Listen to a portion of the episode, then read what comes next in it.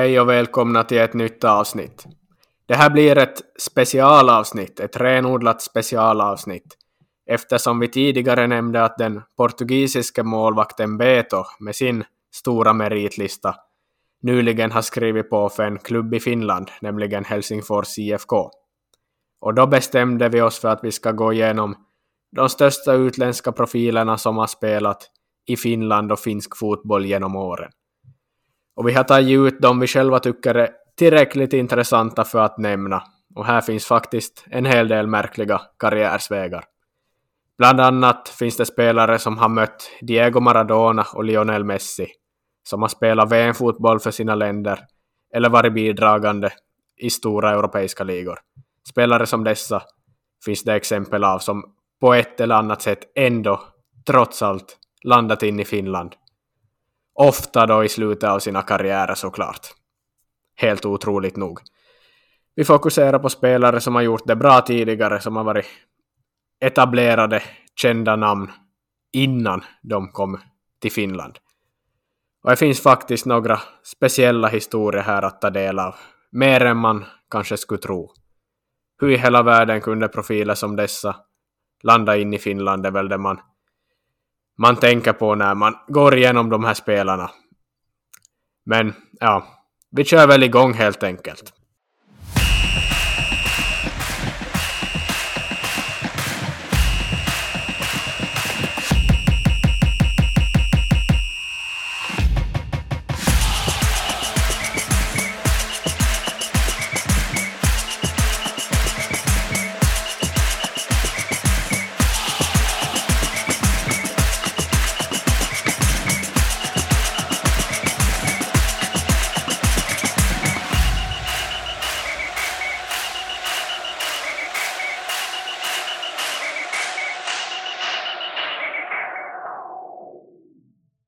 Ja, men vi kör väl igång direkt. Vi har plockat ut en del, en del spelare som vi tycker, tycker sticker ut.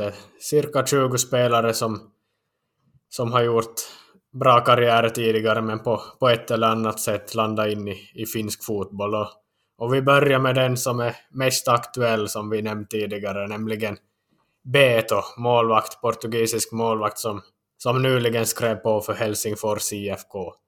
Och det här är ju en välmeriterad målvakt. Allt för välmeriterad om man jämför med, med spelarna i finska ligan överlag. Han kom fram i, i Sporting Lissabons juniorled och tillbringade sen en par säsonger i lite mindre portugisiska klubbar innan, innan Porto nappade honom, men där fick han mest agera reserv till, till Helton, en annan profil i, i några säsonger. Sen har han spelat i Cluj i Rumänien och tillbaks till Braga i Portugal, men landade sen in i, i Sevilla i, i Spanien och är är väl där han har gjort sina största avtryck i karriären. Han var ju främst reserv, men säsongen 13-14 så då var han ju ordinarie målvakt och han blev bland annat hjälte i straffsparksläggningen mot, mot Benfica i Europa League-finalen det året. Så, som gammal sportingspelare så, så uppskattar väl de i alla fall att han, han sänkt Benfica. Ja, och sen har han också varit i Turkiet i, i Göztepe i tre säsonger och innan han då avslutade karriären i portugisiska andra ligan här om året, trodde man. Men nu har han tydligen då skrivit på för, för, för Helsingfors IFK där han nu kommer att spela. Han har kontrakt över kommande säsong. Och anledningen till att han är här i Finland är väl att han känner Tavares, coachen i, i HIFK som, som tog över här i slutet av förra året. Och jag nämnde ju bara klubblagskarriären här, men landslagskarriären är ju fin den också, även om han mest har suttit på bänken. Han, han har bland annat varit med i tre VM-slutspel och VM 2014 spelade han till exempel mot både USA och Ghana, men Portugal åkte ur gruppen där. EM 2016 då Portugal vann, då var inte han, inte han med alls, utan då var det tre andra målvakter som gick före Men Ja, han fyller 40 i maj, en jätterutinerad målvakt som, har vunnit Europa League tre, tre gånger. Även om han under sin karriär mestadels har agerat reserv så är det en, en stor värvning för, för HIFK. Ja, det ska bli intressant att se vad han tillför för HIFK då. Ett imponerande CV utan tvekan. Jag, jag vill bara nämna här, eller du sa ju prata om Helton här lite för jag, jag vill bara påpeka att det är ju en av mina favoritmålvakter i, genom tiderna nästan. Och Portugal har ju haft också förstås andra fina målvakter och lite märkliga, men Helton var nog en av mina favoriter. Och han är väl brasse egentligen, men... Ja, och som många portugiser har brasilianska rötter, men HIFK har ju haft en annan intressant målvakt här för, vad det, inte var det i fjol, var det säsongen före väl så Divock Origis kusin Arnold Origi spelar ju då för HIFK, ja, blev väl en säsong och det, det är värt att påpeka tänker jag. Absolut, en riktig profil som nu håller till i, i norska tredje ligan tror jag. Men om vi går vidare, vi, i afrikanska mästerskapsavsnittet som vi hade här för ett par veckor sedan, då nämnde vi ju Kei Kamara och El Said och de kommer vi väl inte att gå in på desto mer idag eftersom vi nämnde dem tidigare, men Abdallah El Said, egyptisk spelare, landslagsspelare som tillbringa en vår i Kups inför VM 2018. Okej, okay, Kamara från Sierra Leone som han var väl jättebra målskytt i MLS i flera år.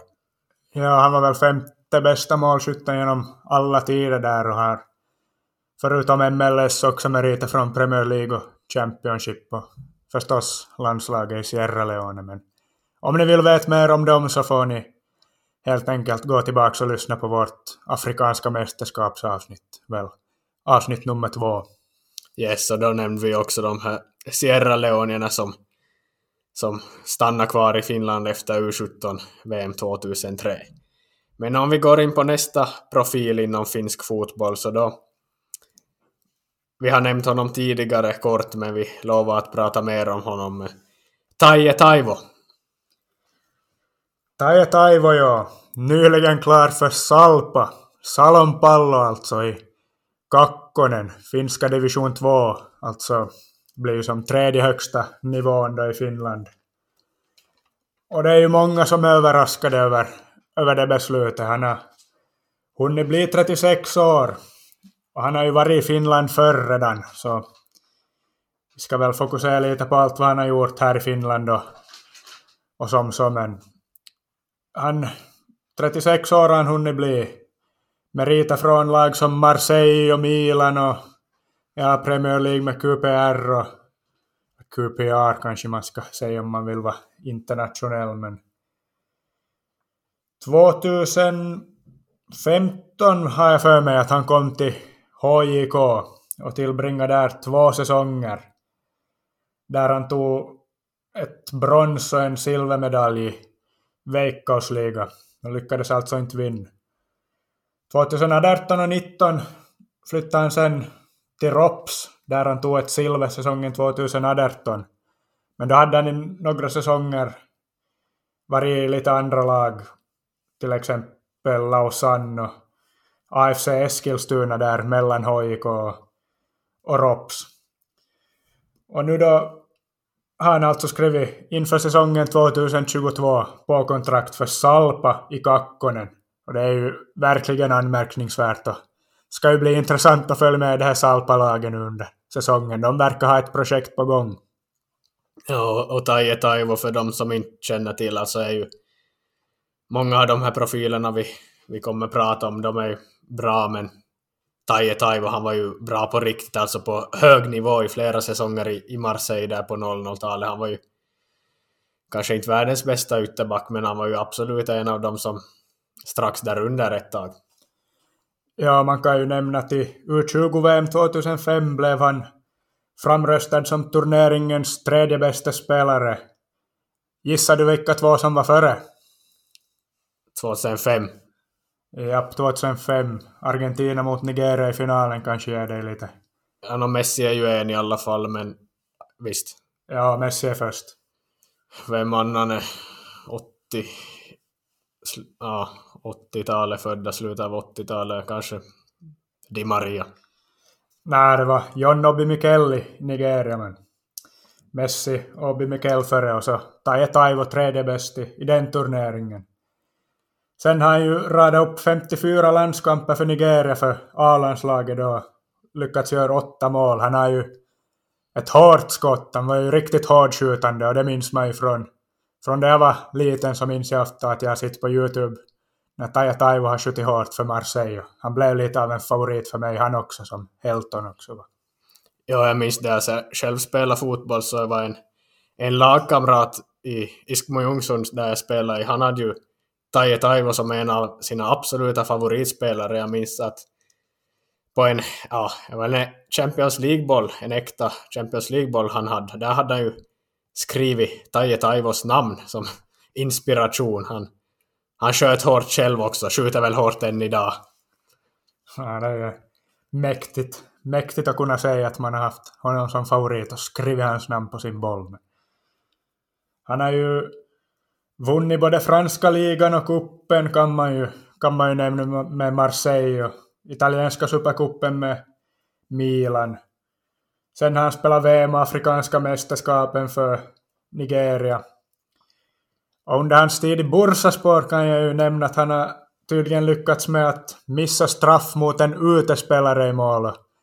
Och det är inte många som har lyckats med det, men jag kan säga att jag själv är en av få som har lyckats med det. Jag tror det var mot Haupa, när vi var B-juniorer, så hamnade de och ställde sin målvakt i mål. Jag hade redan gjort ett mål i matchen, men så fick vi straff och utespelaren i mål lyckades, jag vet inte, kanske han tänkt som utespelare lite som andra utespelare och lyckades rädda min straff. Och tur var ju att vi vann typ, vi vann väl 8-1 den matchen så jag, jag kom väl undan med utan att, ja vad ska man säga, utan att skämma ut mig helt. Men jag, jag gratulerar nu honom och skrattar lite med honom efter matchen till att han räddade min straff. Ja, men alltså Taje Taivo överlag. Hur, hur kan en så välmeriterad spelare ha spelat i, i Rovaniemi uppe i Lappland och inte nog med det utan nu återvända till finsk fotboll för spel i, i tredje högsta nivån är ju som jag begriper inte alls. Har du någon koll på varför han kommer tillbaks till Finland med jämna mellanrum? Nej, han verkar ju onekligen trivas i, i Finland. Han har Ja, jag läste nu någonstans eller hörde någonting vad han har sagt att han, han vad heter det, imponerad eller intresserad kanske är ordet av Salpas projekt här som de har på gång och vill helt enkelt vara en del av det och han, han sa någonstans att han vill han vill bli stor i Salo, att det, det är vad han vill. Det, det är väl inte för skam att vara stor i Salo. Han vill att folk där ska prata om honom i all framtid eller något sånt hade han sagt. Sen har han ju dessutom varit i Rops då, uppe vid polcirkeln till och med. Det var ju intressant att han, han kom dit också men det var väl efter att han hade varit i HJK hade han fått ett bra band med Toni Koskela som var assisterande i, i HJK då. Idag är han ju huvudtränare i HJK men under 2018-säsongen så hade väl Koskela hand om Rops. HJK och Rops samarbetar ju ganska mycket, har gjort i några år. Så det var väl därför han, han letade sig dit till Rops istället för att återvända till HJK. Och då var det ju inte, vad heter det, frågan om några stora summor pengar heller. Det har jag läst att de ville göra tydligt, utan han, han kom till Rops helt enkelt för att han ville spela fotboll i, i Finland. Ja, och Taje Taivo tänker jag vi ska hålla håll koll på här framöver vad han, vad han uträttar på plan där i, i Salo då. Absolut, ja. Sa jag nog om att han, eller berättade jag redan att han, han tyckte att Rovaniemi var en riktigt vacker och fin stad, sa jag det? Nej, det sa du nog inte. Äh, kontrasten mellan Nigeria och Rovaniemi är ju stor, men han tyckte alltså att Rovaniemi är en fin stad. Lite om finsk fotboll har han väl sagt att han tyckte att det är en fysisk liga och att man måste träna hårt för att hänga med här i, på plan. Försäsongen påpekade han att är lång. Och det är den ju här. Går ju inte att sticka under stolen med. Han har lite hållit igång ett, jag tror det var serie D-lag i, i Milano, men ska i mars, om några veckor alltså, ska han flyga hit till Salo och börja arbetet med säsongen 2022. Så vi håller ögonen på honom. Yes, det gör vi definitivt. Och vi kan ju nämna också Taivo var ju med i VM 2010 i nigerianska truppen. Och en annan från Nigeria i samma lag var ju Sani Kaita. Han var också med då Nigeria fick OS-silver 2008 då de förlorade mot, mot Messis Argentina OS-finalen. Och han, han blev utvisad i VM 2010 då han sparkade ner Vasilis Torosidis i Grekland. Jag, jag minns att det var en i Nigeria som, som gjorde det här men jag minns inte att det var han och nu när jag kollade upp så det var tydligen Sani Kaita. Ja, man minns, eller jag minns åtminstone tydligt Lars Lagerbäcks besvikelse i ögonen när Kaita sparkade ner, var det Torosidis? Lagerbäck hade ju hand om nigerianska landslaget där under VM 2010 och det var väl ett ganska idiotiskt rött kort. Lagerbäck var ju besviken, det minns jag.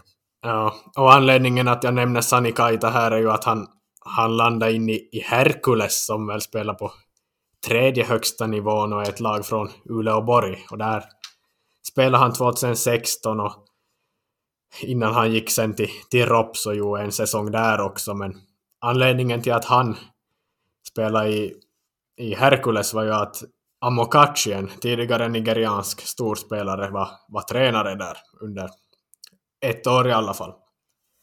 Ja, två tror jag till och med. Herkules spelar alltså i, i Kakkonen de också, division 2, alltså tredje högsta seriesystemet.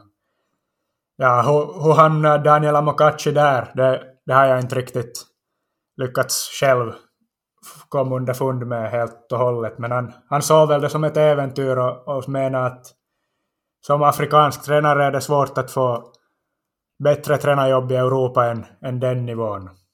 Amokachi har ju spelat VM och gjort mål i VM. Ett riktigt snyggt mål till och med mot Grekland. Argentina och Grekland möttes också 94. Då gjorde han ett snyggt mål. Han har ju vunnit OS med Nigeria och Afrikanska mästerskapen med Nigeria och ja, FA-cupen med Everton, senaste titeln de vann 95. Så det var ju onekligen en stor spelare. Jo, till och med Champions Leagues första mål någonsin, jo, Juamo Mokachi. Alltså då efter att Europacupen blev omdöpt till Champions League 1992. Men han landade alltså i Hercules 2016 och 2017 var han väl också där. Jag minns att premiären för säsongen 2017 så var de väl till Vasa och skulle spela mot Vasa IFK som jag själv då hörde till. Och jag satt på läktaren och såg matchen och minns att där såg man Daniel Amokachi. Jag hade lite svårt att ta in att det faktiskt var han och fick förklara lite för mina kompisar jag satt och såg på matchen med att ja, han har spelat i VM och han har gjort snyggt mål i VM och vunnit OS och sånt men det var, det var som lite svårt för alla att förstå hur, hur han hade hamnat där bara. Yes, och när vi ändå pratar om så många afrikanska spelare så kan vi väl ta alla, alla efter varann. Vi kan ju gå in på nästa profil som, som har spelat här på, på senaste åren i finsk fotboll, nämligen Antoni Anan från, från Ghana, en mittfältare. Ja, precis. Antoni Anan har spelat i, i Inter nu senast, dit han gick halvvägs in i säsongen 2019. Där han spelade ganska många matcher på mittfältet och lett laget bland annat till en cupfinal och Europaspel, men ännu mer lyckad var han lite tidigare då han i mellan åren 2014 och 2018 spelade i HJK. Han gjorde väl en kort sväng till, var det kanske Beitar Jerusalem däremellan, men 2014 och till 2018 spelade han främst i HJK. Där har han gjort mängder av matcher och vunnit tre ligatitlar, två cupfinaler och spelat fem matcher i HJKs Europa League-äventyr 2014. Då gjorde han också mål mot Torino i gruppspelet. vad har han annars uträttat i karriären då? Han har ju spelat för Schalke, kanske är den största klubben, men annars varit till exempel Rosenborg i Norge och Stabäck, Vitesse i Holland, Osasuna i Spanien. 64 landskamper, två mål för Ghana. Där minns vi honom från 2010 då han spelade väl alla matcher i, i deras framgångssaga. Ja, är väl främst landslagskarriären man kommer ihåg Antoni Annan för. Han är väl mer stor i landslagen på, på klubbnivå. Ja, det är nog där han kanske har lyckats som bäst. Förutom om man ser på vad han har lyckats med i Finland. Ja, i Norge blev han förstås utsedd till norska ligans bästa spelare 2010 och det är ju inte dåligt det inte. Han har vunnit norska ligan tre gånger också. I Finland har han alltså tre ligatitlar med HJK, två kupptitlar. 2017-säsongen blev han utsedd till, till hela ligans bästa mittfältare och samma säsong gjorde han guldmålet för HJK mot Mariehamn. Sköt alltså guldet i HJK den säsongen. I mars 2020, då spelade han i Inter. Och då spelade jag mot honom. Träningsmatch med VPS. Det var väl riktigt just före hela världen stängdes ner med corona. Jag vet inte, vill du gissa vad, vad den matchen slutade? Ja, nej, det blev väl stor struck kanske. Ja, knappt som man vågar säga det, men 7-1 åkte vi dit och förlorade. Jag vet inte, kanske vi redan hade corona eller någonting, jag minns jag. Det kändes som att man, av någon anledning, jag vet inte varför, att man inte... Benen bärde inte man kunde som inte springa på något sätt, jag vet inte. Har jag efterhand funderat, kan det ha varit corona? Och vi var några i laget som minns jag att hade liknande problem, men nej, jag ska väl inte skylla ifrån mig. Det var nog helt ärligt sämsta matchen jag någonsin hade spelat 7-1 men förlust men man fick i alla fall spel mot Antoni Annan som man hade sett upp till sommaren 2010 då jag höll starkt på Ghana i VM. Ja, jag såg ju honom på jag var på IFK Mariehamn Inter här om året och då satt han ju på bänken till och med Inter. Han sprang och värmde upp där framför mig där jag satt på, på ena eh, mindre läktare där bakom ena målet. Då sprang Antoni Annan där framför och, och värmde upp och det var ju lite bisarrt att se honom. Han var ju straffsparkad från en semifinal i VM 2010 och några, ja, tio år senare så tog han inte ens plats i, i startelvan i ett lag i finska ligan utan han, han satt på bänken.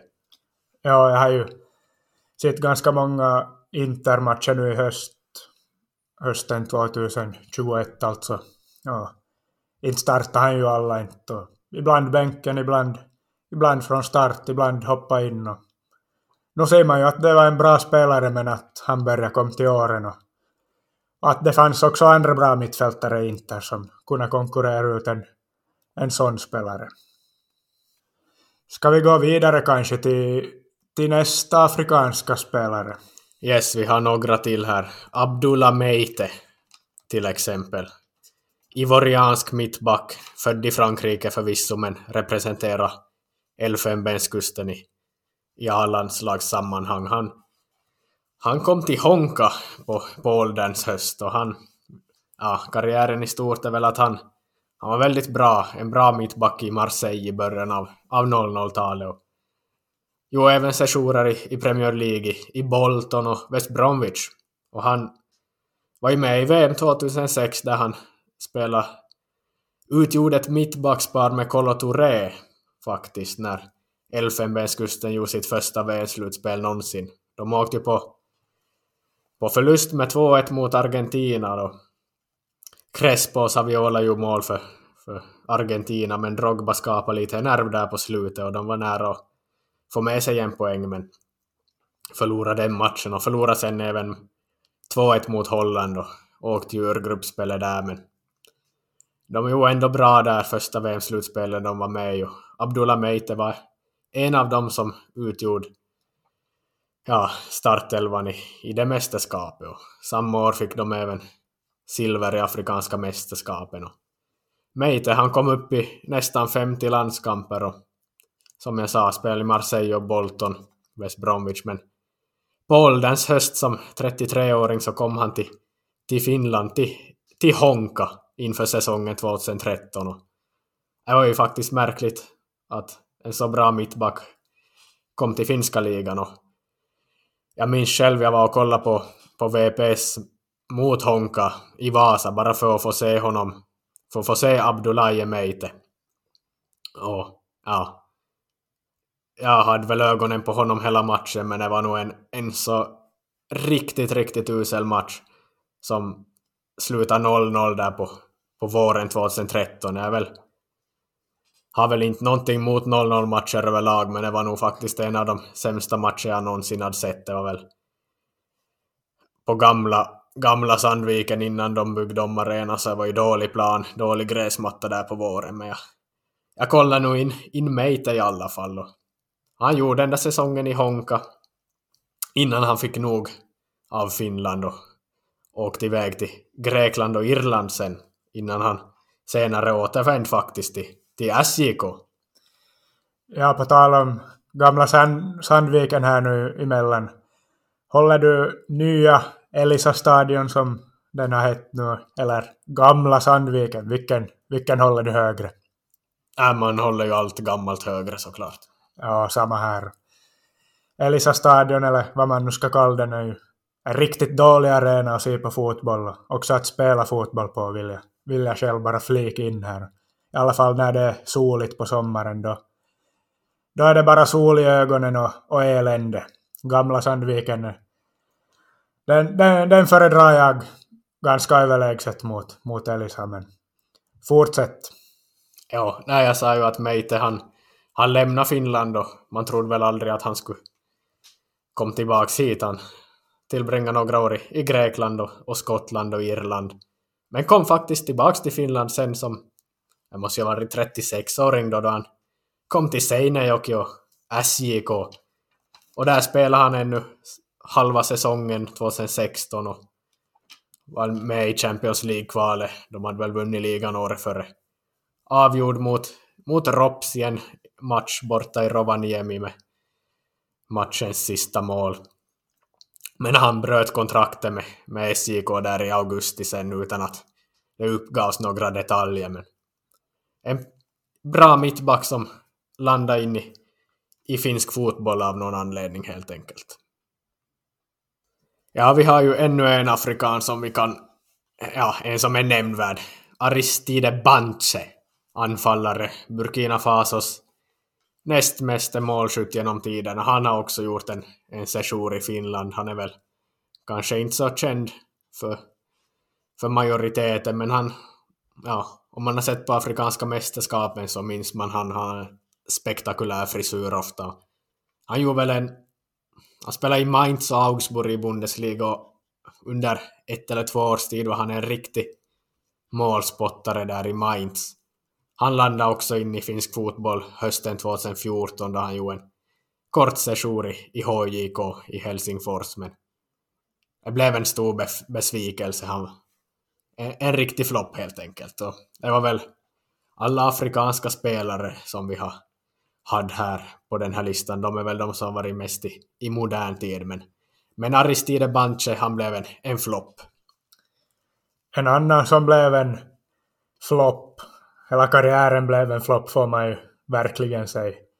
Freddy Adu, som 2015 spelade i Kups. Det är väl urtypen av, av misslyckad stor talang. Det är väl kanske, ja vad ska man säga, talangernas talang. Amerikan kom fram i väldigt ung ålder, alltså 13-14-åring var han väl när han skrev på sitt första kontrakt och debuterade för DC United i MLS. Och då var det ju många som redan då kallade honom för nya Pelé till exempel. Det var kanske det han främst kallade Och Alltså hypen var ju verkligen enorm. Han skrev 2003, tror jag det var, också ett miljonkontrakt med Nike, alltså sponsorkontrakt som redan som 13-åring. Och jag hittade en ISBN-artikel här från 2003 som påstod eller menade att hans kontrakt med Nike skulle ha större potential än vad LeBron James kontrakt med Nike skulle ha. Jag vet inte, hade James kanske skrivit på ett kontrakt där då också någon gång vid den tiden. Men, men det blev ju verkligen helt två olika öden, idrottsöden för de två. Freddy Adu har ju han har misslyckats egentligen vart han än har gått sen, sen han lämnade USA. Han hann ju med att vinna nu MLS väl med DC United men gick sen vidare från USA till Benfica och var en sväng i Monaco men sen har det bara gått neråt. Och, ja, han har varit i Grekland, i Turkiet och Serbien och lite emellanåt har han varit tillbaka i MLS men det, det, det lyfte aldrig och, och 2015 hamnade han då alltså i Kuopio för att spela för Kups. Hade du något du ville säga här innan jag går in på hans Kupsdag? Nej, alltså det var ju verkligen en talang. Alltså han, han är väl... Alltså... Neymar. Ni kan tänka Neymar. Så stort. Så mycket snackades om det om honom. Lika mycket som man pratade om Neymar då han kom fram. Lika mycket talar man om Adu, men i ännu yngre ålder helt enkelt.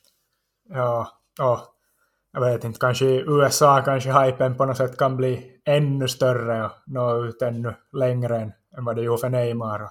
Och det säger ju en del.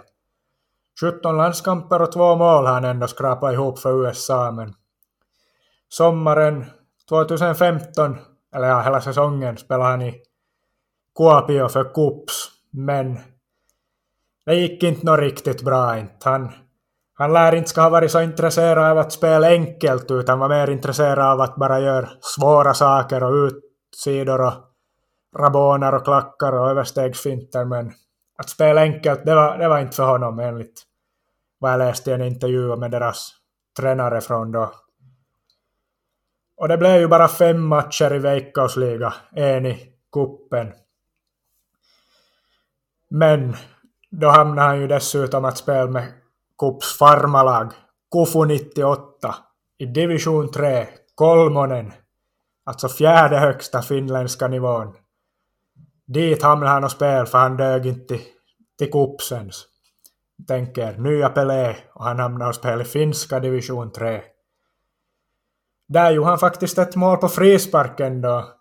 Ganska snyggt har jag sett att det var, men det var någon sajt på internet som utnämnde frisparksmålet som det sorgligaste frisparksmålet någonsin. Och, ja, jag har nog ingen, ingen motkandidat till att sätta emot där, utan det det är nog mycket möjligt att, att det är det sorgligaste någonsin. Ja, misslyckad i kups och misslyckad har han varit sen fortsättningsvis efter det. Och I fjol blev han ju klar för Österlens FF, eller är det Österlens IF, jag är inte helt säker, men i, i svenska är det är division 3 där också kanske, men jag vet inte, han bröt kontraktet där, jag vet inte om han någonsin spelade en match där. Jag tror inte han bröt kontraktet, jag tror till och med att han blev ja, sparkad. Ja, det var väl som du säger, klubben som bröt kontraktet med honom, det var väl precis så, ja. Men jag inte har nog desto mer att, att lägga till om, om Freddy Adu annat än att ja, han är han är väl den talang som har misslyckats kanske allra mest i, i karriären som, som man nu själv kan komma på.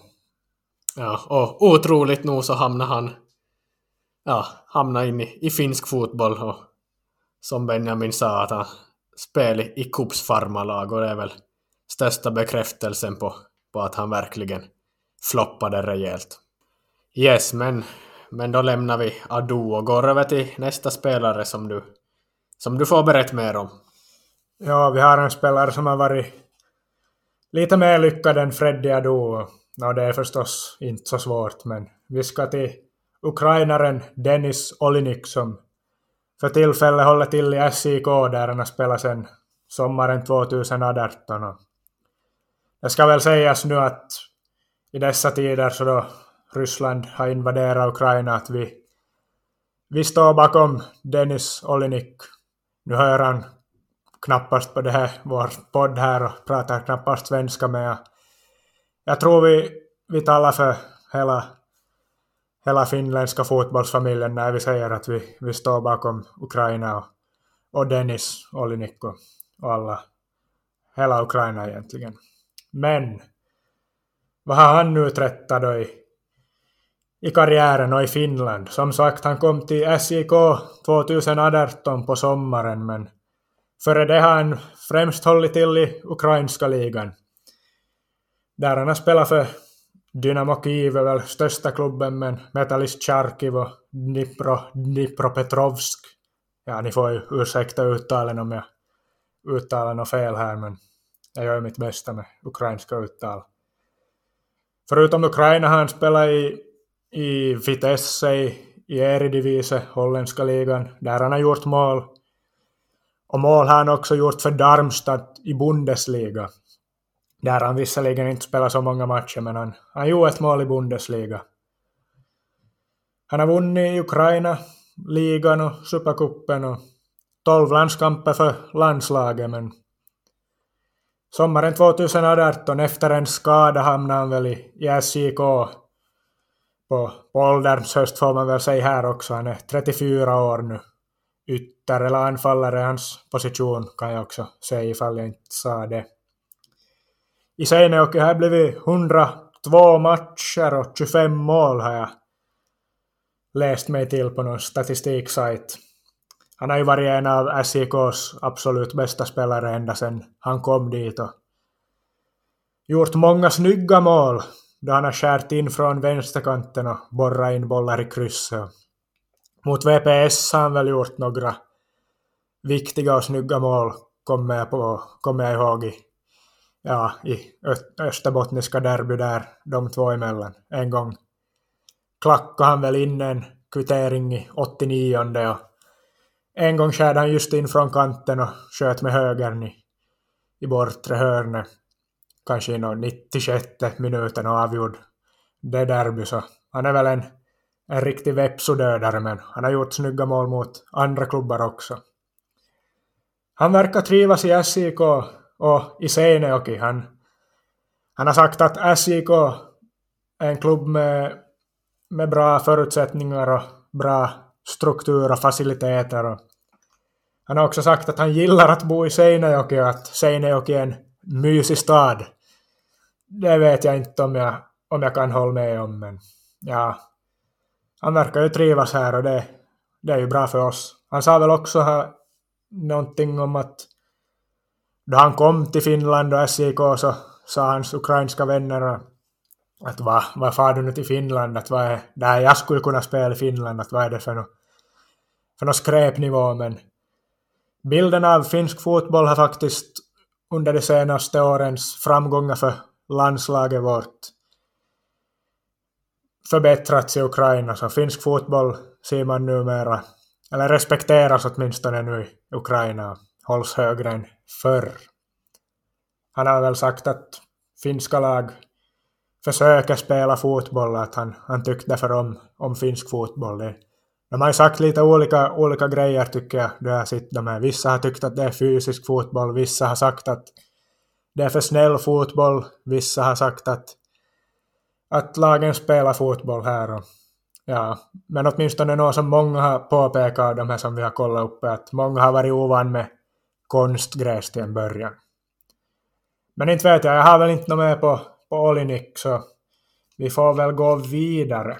Ja, no, det får vi göra, men Olinik är väl en av de, de numera aktiva som är ja, störst, eller bästa av de utländska spelarna i, i finska ligan. I alla fall en av dem i, en i toppen där, i den kategorin. Men vi går vidare till nästa profilvärvning i, inom finsk fotboll. Och då går vi till en riktig profil alltså. Julien Faubert. Ja, ursäktar uttalet här igen om det är något, något fel på min franska, men ytterback, mittfältare eller ytter, håll till främst kanske nog på högerkanten. Från Frankrike, har spelat för klubbar som Caen, Bordeaux, sen kanske som mest känt i West Ham i Premier League och och en sejour i Real Madrid. Jag upprepar, självaste Real Madrid, dit han blev inlånad säsongen 2009. 2017 sen, då då hade karriären gått så pass mycket neråt att han, han hamnade i Finland han också, fast han har ett förflutet i Real Madrid. Det blev Inter Turku för, för hans del säsongen 2017 där han gjort 26 matcher och ett mål. Så det är ju inte fy skam. Han värvades väl av Chef Kikuchi, jag tror de hade samma agent där. Så Chef Kikuchi hade ju alltså var tränare i Inter den säsongen. Till en början. Han fick väl sparken har jag för mig. Men hans landskapsfacit för Frankrike, det är ju inte fy skam det heller. En landskamp, men också ett mål. Och i den landskampen var han faktiskt första franska spelare att få spel med tröja nummer 10 efter Zinedine Zidane. Och det var en träningsmatch mot Bosnien som han alltså avgjorde med, jag tror 2-1 blev det, han avgjorde sent. Så det är ju ett fint minne för honom att ha, ha med sig och ha på CV. Men förutom Frankrike så har han också gjort 10 landskamper och 5 mål för lilla önationen Martinique i karibiska övärlden är det väl. Ja, jag vet inte riktigt hur det har gått till där med dem det, att få spel för två landslag, men man har ju sett liknande för. Men många minns ju honom främst för, för tiden i Real Madrid och det är ju då inte i positiv bemärkelse kanske, utan det är ju för att ja, han somnade på avbytarbänken i en ligamatch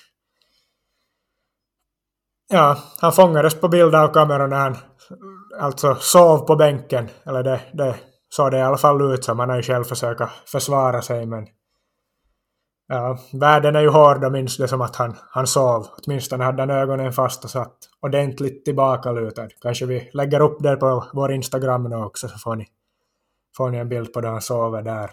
Om vi hittar någon. Ja, vad hade han att säga om Finland då? Han tyckte det var en bra liga. Inte en enkel liga, men en fysisk liga. Och han trivdes att vara här och tyckte att Inter var en bra klubb med fina faciliteter. Och ja, inte, desto mer har jag inte heller om honom, men han har väl avslutat karriären nu och jobbat som någon slags agent eller rådgivare, tror jag, i någon fransk mindre klubb kanske. Men ja, inte gjorde han väl något jättemycket väsen av sen. Han var väl här i Finland. Han var väl en bra spelare men ja, inte, inte mycket mer än så. Ja, nej, jag minns honom främst från, från West Ham men även det du, du nämnde om, om tiden i, den korta tiden i, i Real Madrid. Jaha, då var det väl klart med de spelarna som det var tänkt att jag främst skulle berätta om så nu får du helt enkelt ta, ta fortsätt härifrån med det är väl Darwin Chavez som du ska ta, ta och börja med och så går det sen tillbaks i tiden. Men sätt igång bara. Yes, Darwin Chavez eller Chavez. Jag vet inte riktigt hur man... Han har Z på slutet. Inte, jag tror inte man uttalades på samma sätt som Venezuelas tidigare ledare, men Darwin Chavez, född 89, mexikansk ytterback och han har också tillbringat tid i finsk fotboll på senare år, men vem är Darwin Chavez då? Han är en, en spelare som har spelat i, i Atlas och Monterrey. Mexikanska storklubbar, som sagt ytterback. Men, men vad är det för märkligt med honom då? Jo, det är att han spelade i OS 2012 och inte bara spelade utan blev mästare, eller guldmedaljör som man blir då man vinner olympiska spelen. Och han han landade ju in i, i Jaro i Ukkönen 2018 efter att ha spelat i, i mexikanska ligan. Och då fick Jaro in en, en olympisk mästare i laget och det är ju märkligt faktiskt. Ja, jag minns ju OS-finalen 2012, den, den såg jag vid en, en kompis.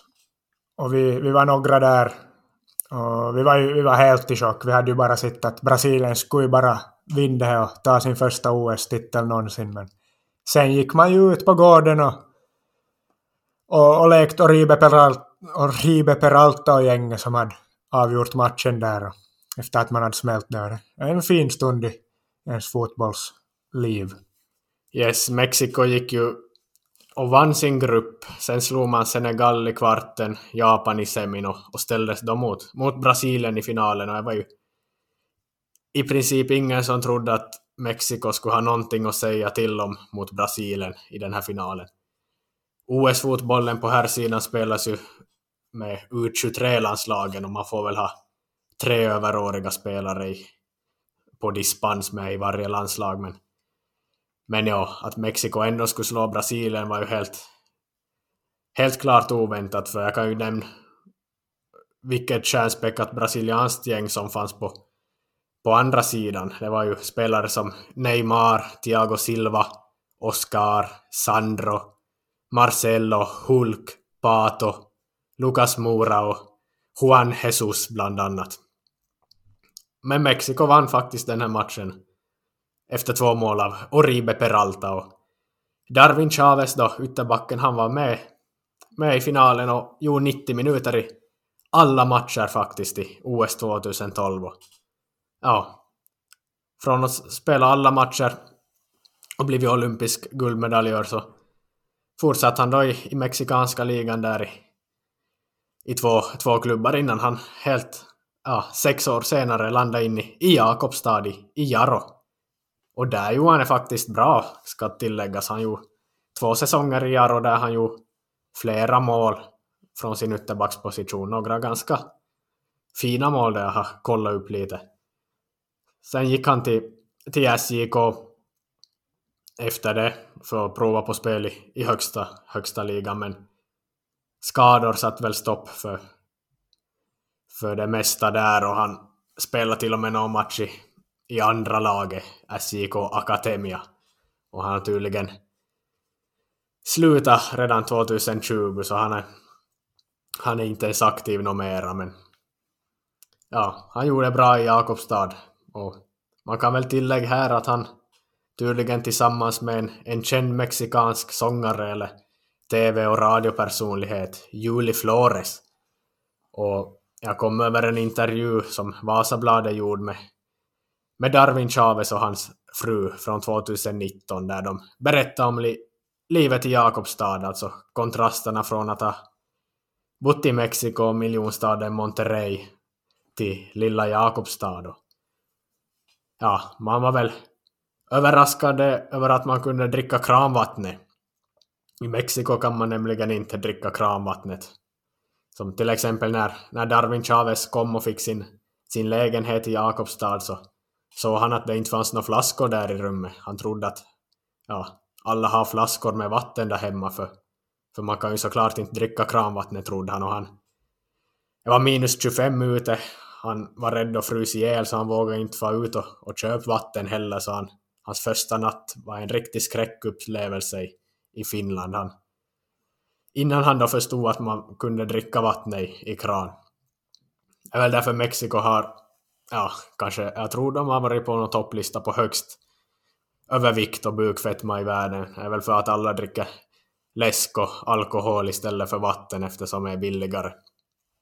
Men ja, det var en stor kontrast från livet i Mexiko att landa in i Jakobstad och, och Chavez och hans fru de var också imponerade av, av att man kan panta flaskor och burkar.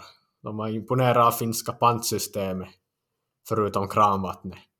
Dock var de ej så imponerade av, av tacohyllan i butiken. De gillade tydligen inte det här Santa Marias och, och extras tacos men, och tortillas, men ja. ja, nej, vi äter ju, vi äter ju nog, nog de produkterna utan att klaga, men tydligen så, så dög inte för en mexikan som ska ha lite bättre grejer. Men ja, Jakobstadsbutikerna, ni får väl helt enkelt ta, ta och steppa upp era tacohyllor här några nivåer, som ni, om ni lyssnar på detta. Ja, om ni, om ni i Jarro får någon fler mexikanska spelare så får ni får någon ordna en skild avdelning i, i, i S-market eller K-market eller vad ni nu har med lite bättre taco tortilla sortiment. Och, ja. Darwin Chavez han verkar också ha uppskattat Feboda stranden där utanför Jakobstad. Jag såg någon bild då han och, och frun var där och, och badade. Ja, och på tal om Jakobstad så nästa spelare vi går in på, nästa profilvärvning i, i finsk fotboll är också en som har tillbringat en säsong i, i Jaro, men nu har vi pratat om lite modernare, modernare tidsspelare. Nu ska vi backa bandet till, till slutet av 90-talet. Nämligen 1998 då. Hans Gillhaus. Gillhaus. Ja, jag vet inte hur man uttalar det, men han är en holländsk anfallare som spelar bland annat i VM 1990 och blev Europacupmästare med PSV Eindhoven 1988 där han bidrog, bidrog starkt med flera mål. Han hamnade alltså i Jarro 1998 från att ha spelat med, med Romario i PSV, eller väl Romario som petade honom helt enkelt, men ja, han spelade i PSV och blev petad och så lämnade han för lite spel i, i lite olika ligor innan han helt otroligt nog landade in i Jarro, där han enligt de uppgifter jag har kommit över har gjort två mål på sju matcher sommaren 1998, men Hans Gillhaus, om man googlar han, alltså man kommer inte över någon info nästan, så om är någon i Jakobstad som bevittnade här sommaren 1998 då en före detta Europacupmästare med PSV Eindhoven spelar i, i Jarro så får man absolut höra av sig. Och jag tycker det är en profilvärvning verkligen, men man, man hittar tyvärr inte någon info om, om det. Men otroligt, otroligt i alla fall. Och om vi fortsätter på 90-talet så Sovjetunionens upplösning gjorde ju så att flera, flera profiler och stjärnor från, från klubbar i Sovjet drog ut i världen och, och spelade i, i olika ligor och länder. Och på den här tiden fick man väl bara ha tre spelare, tre internationella spelare i de flesta ligor, så det gjorde ju att flera sådana här stjärnor hamnade och spel, spelade i lägre, lägre divisioner i, i märkliga klubbar. En sån är ju till exempel Georgi Kondratjev, stjärna i Dynamo Minsk på 80-talet. Vitrysk spelare men spelar ju sin landslagsfotboll i, i Sovjetunionen. Kondratjev han gjorde ju flera landskamper för, för Sovjetunionen men ja, otroligt nog så 1994 skrev han på för Kaskö Kaskö IK. Lilla Kaskö här i Österbotten och under fyra säsonger i Kaskö så gjorde han väl en 69 mål har jag fått informerat. Och han alltså är ju Georgi Kondratjev, det är ju som att en sån stor spelare som har spelat i landslaget för Sovjet och varit stor stjärna i Dynamo Minsk, att han landade in i Kaskö och inte bara spela någon match utan fyra säsonger är, är faktiskt otroligt, måste jag säga. Och Kaskö är väl en ganska fin klubb i division 3 för tillfället och har väl, eller är det division 3, jag är inte helt säker, men de har väl ganska bra Ultras-verksamhet där och du har väl spelat mot dem och du har väl många gånger pratat om det som kanske en höjdpunkt i din karriär där du fick spela inför Kaskus bengalbrännande ultras. Ja, jag var väl i division 4 då som vi med Iskmo Ljungsund mött Kaskö i några säsonger och jag minns en, minns en bortamatch i Kaskö då de körde bengaltifo och sång. Det var mäktigt att få spela inför, inför fans faktiskt. De sjöng väl, måste jag komma på, Kaskö, idrottsklubben KIK, vi är överallt, men det är inte ni, för ni är Ljungsundbönder, Kaskö. Det var lite roligt att höra ironi. Ja, som att det inte, inte själv skulle vara bönder, men ja, nu, nu är vi väl Ljungsundbönder vi också, men det är väl lika mycket bönder från Kasken.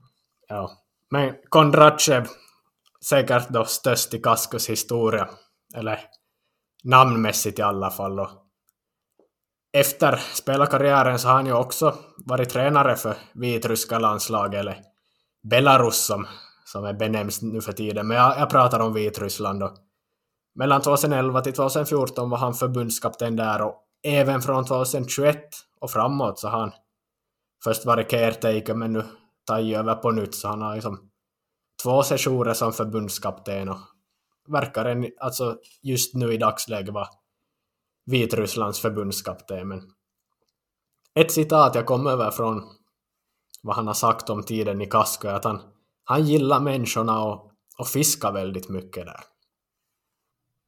Och en annan spelare från forna Sovjetunionen som på 90-talet landade in i finsk fotboll var ju Alexej Jeremenko senior. Han spelar ju i Spartak Moskva och Dynamo Moskva, men han hamnade i Jakobstad och Jaro också. Han spelar i, i HJK, men han är väl... Ja, han är ju tränare. Han tränare på senare år och var bra spelare på sin tid, men ja, kanske mer... Yngre lyssnare kanske mer känner till pojkarna. Ja, de var det tre, tre bröder, Eremenko-bröder, som var uppvuxna i Jakobstad. Han var i ja, viktiga pusselbitar i, i finska landslaget och ja, en, en stor del av finsk fotboll på, på 2000-talet helt enkelt.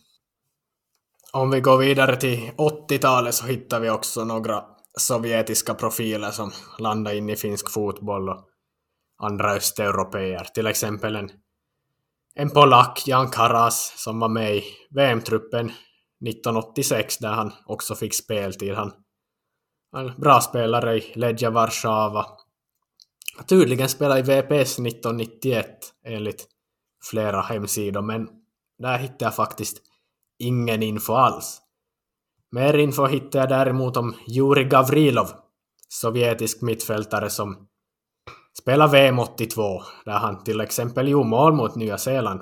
Sovjet tog sig vidare ur gruppspelet den gången och ja, han gjorde en bra karriär. Han gjorde väl en 46 landskamper och 10 mål och spelade främst i, som mittfältare då i Spartak Moskva. Och han, Gavrilov, Juri Gavrilov, han landade in i, i PPT, Porin Pallotoverit, som senare blev FC Jas där 1988 spelade han där och han gjorde rätt bra faktiskt. Juri Gavrilov i, Björneborg helt enkelt, sovjetisk mittfältare som landade in i, i Björneborg. Kan väl också nämna att det finns några andra sovjetiska profiler som har spelat i samtidigt med honom i finsk fotboll. Nikolaj Larionov spelar vi bland annat GBK, gamla Karleby bollklubb visst. Och ja. även i, i Sepsi i Seinejoki. Och Leonid Burjak spelar i, i Kemi bland annat och de är från samma generation som, som Juri Gavrilov. På 80-talet fanns det också en back från El Salvador som spelar i Finland. Han landslagsman för El Salvador med i VM 82, Jaime Rodriguez. Han spelar VM 82 alla matcher.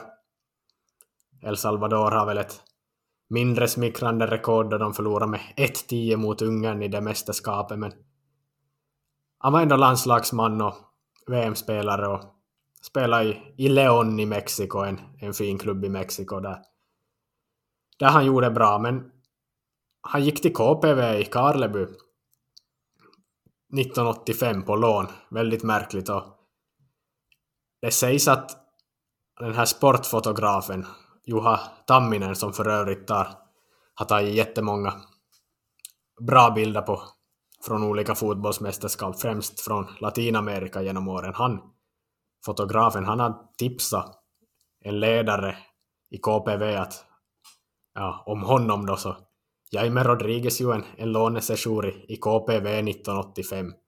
Men han, han verkar inte ha trivts särskilt bra och kalla finsk fotboll för väldigt amatörmässig. Vi går vidare med 80-talet också, 1980-talet. Ungern, de var ju också en, hade några spelare i, i finsk fotboll. Stolta fotbollsnationen Ungern. Vi kan nämna Josef Varga, en back som spelade i VM 82 och VM 86. Han gjorde bland annat mål mot, mot Belgien i VM 82. Han, han gjorde en sejour i Reipas från Lahti. Och en annan back från samma generation, lite tidigare, spelade i VM 78 och 82 var Josef Tott. Han gjorde mål faktiskt mot El Salvador i VM 82. Spelade väl i sin klubblagsfotboll i Ujspest. I VM 82 blev han för övrigt bortfintad flera gånger av Maradona i en match där Argentina vann och Maradona gjorde två mål. Men Josef Tott, varför nämner jag honom då? Jo, han hamnar såklart också i, i Finland, men han hamnar faktiskt i Närpes av alla ställen, i Närpes kraft. 1987 landade han in i Närpes. Och det här är helt otroligt, för han spelar inte bara en säsong eller tio matcher eller någonting sånt där, utan han tillbringar hela tio år i Närpes kraft på näst högsta och tredje högsta nivå i Finland. Och från att ha spelat mot Maradona och gjort mål i VM 82 så kom Josef Tott till Närpes i Finland där han tillbringade tio år. Spelade som 45-åring ännu i Ykkönen i, i slutet av sin karriär. Och här är också otroligt för en sån här profilstark spelare, Josef Tott, om man googlar på honom och försöker hitta någonting, man... Det finns inte så mycket info alls, nästan ingenting. Det jag får fram är att han ska stanna kvar i Närpes och jobba som ungdomstränare där för Krafts juniorer, men att en spelare som har spelat i VM för Ungern spelar i Närpes, alltså man, det borde man tala mer om. Vi får väl helt enkelt söka oss till Närpes någon gång och, och leta upp folk som minns Josef Tott. Och på tal om Ungern, så den största spelaren vill jag påstå på den här listan. Den sista spelaren vi har nämnt av dem, eller vi ska nämna av dem som har varit stora innan de landade in i finsk fotboll var Ferenc Bene, ungersk anfallare född 1944. Han kom fram lite efter den gyllene generationen, de magiska magiarerna. Och de Ungern fick ju silver i VM 54 och han kom fram lite senare då, men Ungern var fortfarande bra på den här tiden. Han spelade, spelade i ungerska landslaget mellan 1962 och 1979. Och, och Ferenc Bene, han är ju en riktig superstjärna på sin tid, alltså inte vem som helst. På, 36, på 76 landskamper gjorde han 36 mål. Han var med då Ungern fick en brons 1964, där han gjorde mål i bronsmatchen också. I VM 66 så gick Ungern till kvartsfinal. Ferenc Bene var den bästa spelaren i, i det ungerska laget eftersom han gjorde fyra mål på fyra matcher. Man slog till exempel Brasilien i gruppspelet då. Åkte ut i kvarten. Ferenc Bene bombade också in mål i Tokyo 1964 i, i OS, OS-fotbollen. Han blev skyttekung med 12 mål i, det, i den turneringen och i gruppspelet vann Ungern mot Marocko med 6-0 och Ferenc Bene han gjorde sex mål i den matchen. Alla mål. I semifinalen gjorde han fyra mål och i finalen gjorde han också mål då, då Ungern blev OS-mästare. I klubblaget Uspest gjorde han ju över 300 mål i karriären. Och han vann, vann ligan i Ungern åtta gånger. Men 1981 ja, då kom han till Finland och, och Seinejoki av alla ställen. Sepsi 78. På ålderns höst kom Ferenc Bene, en superstjärna, målskyttarnas målskytt, till Seinejoki, till Sepsi 78. Vi kan väl säga att Sepsi 78 och TP Seinejoki var de stora fotbollsklubbarna i Seinejoki på den här tiden. 2007 så slogs de ju samman och blev dagens SJK. En plastförening för övrigt. Men de har väl kvar lite juniorlag båda tror jag fortfarande. Men Sepsi 78, de spelar väl några säsonger i Finlands högsta liga där i början av, av 80-talet och det var under de här åren som Ferenc Bene spelade i finska i, i Sepsi i finska ligan och han gjorde väl 10 mål på, på 39 matcher 81 och 82. Ja, jag hittar inte, alltså det är svårt att förstå hur en sån stor stjärna kan ha landa in i finsk fotboll. Över 300 mål i, i ungerska ligan och med meriter från VM-kvart och internationella mästerskapsmedaljer. Så. Helt otroligt faktiskt, men läste en artikel från Iltalehti där en journalist hade jämfört det med att Thierry Henry skulle ha landat in i SJK när han lämnade Barcelona. Så är på den nivån Ferenc Bene, det är väl den absolut största utländska profilen som har meritmässigt som har landat in i, i finsk fotboll. Ja, sen har vi förstås utländska profiler som har spelat i Finland men kanske först efter att de har varit i Finland blivit, blivit storstjärnor eller stora namn eller som på det sättet ni förstår. Vi börjar ju bli lång, långdragna så vi kanske inte ska, ska gå så, så djupt in på, på detalj på de spelarna men du kan ju nämna några här. Yes, vi har, vi har ju nu pratat om sådana som har varit stora profiler med, med stora meriter när de kom till finsk fotboll, men nu ska vi även nämna några som tidigare i karriären spelade sin fotboll i Finland men blev kända och stora först, först efteråt. Och vi kan väl börja med Alfredo Morelos som spelade i, i HJK här för några år sedan. El Bufalo, colombiansk anfallare som som, ja, han slog väl igenom i Europa i HJK och gjorde jättebra. Jag minns jag var och såg honom då han spelade mot VPS. Och han spelar ju i Rangers nu. Ja, han vann ju skotska ligan där med Rangers i fjol där de stoppade Celtic från att ta tio raka ligatitlar. Det är ju en stor grej där. Steven Gerrard var ju för övrigt tränare för, för Rangers i fjol. Nu är han ju i Aston Villa, men vi har ju andra som Martin Mutumba kan ju nämnas. Han gjorde tre säsonger i Inter på, på början av 2000-talet. ja, han har ju skrivit om, om det lite i sin bok med Erik Niva, men förstås Martin Mutumba är väl alltid en profil vart han än kommer och när, men, men inte var det ju samma stjärna som, som han kom att bli sen efter SM-guld med AIK. Och han är väl kanske inte så känd för att han var så jättebra. Han är mer känd för att han var en, en profil i, i AIK. Ja, en, en profil är väl precis vad han var. Men vem, vem mer har vi, har vi haft?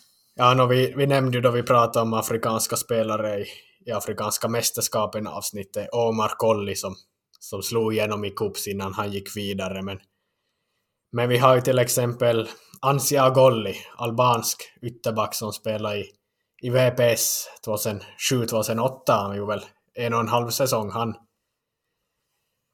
han är väl kanske inte den spelare som alla vet känner till ute i världen, men han blev ändå, ändå en bra spelare. Han var bra redan i VPS, jättebra då.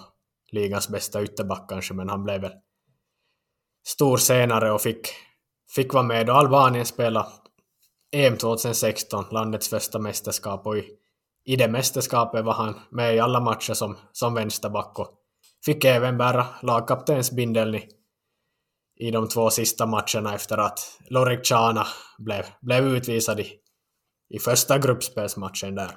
Minns du? Minns du Albanien då? Man höll ju på dem i det mästerskapet. Det, det gjorde man och de blev väl som, som vi Finland blev här i, i fjol, i fjolåret sen blev de väl en av de två sämsta grupptreorna i det mästerskapet. Så det var ju ett hedersamt uttåg, men man, man höll ju som sagt på dem. Och de, ja, det var fint att de fick vara med och spela i ett EM-slutspel. Yes, och så har jag ännu ett namn på den här listan på spelare som tidigare har varit i Finland men blivit stora efteråt. Det finns, finns ju flera, men Darren Purs, engelsk mittback som var väldigt lovande i början av 2000-talet, kom fram i Leighton Orient, men det var väl i Birmingham City som han blev Ja, han blev stor, han blev i alla fall bra och en av landets, Englands mest lovande mittbackar i början av 00-talet. Han blev Player of the Season i, i Birmingham 0001. Och samma år så gick ju Birmingham till ligacupfinal där man förlorade mot Liverpool på straffar, men Darren Purs han gjorde mål på både i matchen och så satt han även sin straff i straffläggningen. Och ja, Darren Purs gjorde flera säsonger i Birmingham och även flera säsonger i West Bromwich och, och Cardiff, Sheffield Wednesday och, och Millwall. Och det blev väl en bra Premier League slash Championship-spelare, men varför tar jag upp honom här? varför tar jag upp Darren Pörs? Vad har han med Finland att göra? Jo, det här är väldigt märkligt för 1996 på lån från Leighton Orient tillbringade han en, en kort tid i BK IFK. BK IFK, vad är det för lag då? Jo, det är ju Vasa IFK och BK 48 som, som på 90-talet var ja, sammanslagna. Det var väl dåliga tider för Vasa-fotbollen och de slog ihop sina verksamheter.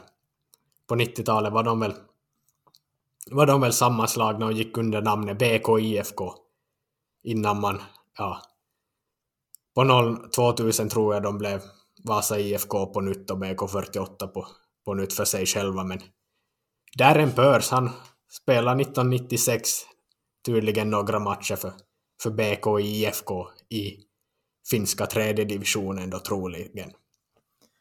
Ja, det är väl inte helt ovanligt på, under den tiden att engelska lag skickar spelare på lån eller för att få erfarenhet från seniorfotboll till, ja kanske inte Finland, men Norden och Sverige. Vi har ju till exempel Peter Crouch som var på lån i IFK Hässleholm i svenska, var det division 3 det kanske, ja någon gång på 90 eller början av 2000-talet.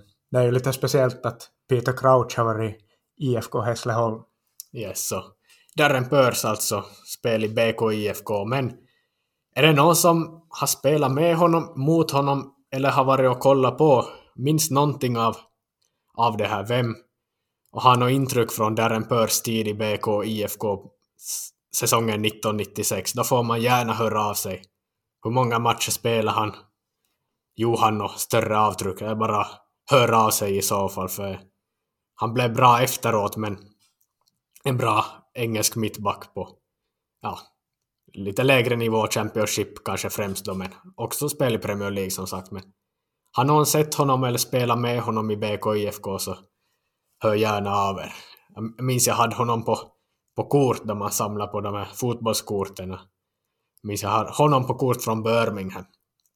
Jag kan väl tillägga att han även kom tillbaks till Finland 2013 för spel i IFK Mariehamn där han spelade några matcher den, den hösten. Och Darren Pörs han är väl Cardiffs U23-coach i dagsläget. Yes, men det var väl, det var väl dem. Vi får väl vara nöjda. Vi, vi har plockat helt enkelt ut de, de profiler som vi, vi tycker är anmärkningsvärda. De, de största utländska profilerna i finsk fotboll. Och, ja, vi har tagit ut de vi tycker sticker ut, men vi har säkert har vi glömt någon eller inte nämnt någon, men det är bara att höra av sig om det är någon ni tycker vi har missat eller om ni har lite mer info om någon av de här spelarna, för det är ju, är ju märkligt då utländska stjärnor landar in i finsk fotboll. Det är ju, det är ju inte vardagsmat, men det, det är kul när det väl händer och vi får väl hoppas att, att fler profiler under årens gång kommer, kommer landa in i Finland i slutet av sina karriärer. Ja, det får vi sannerligen hoppas.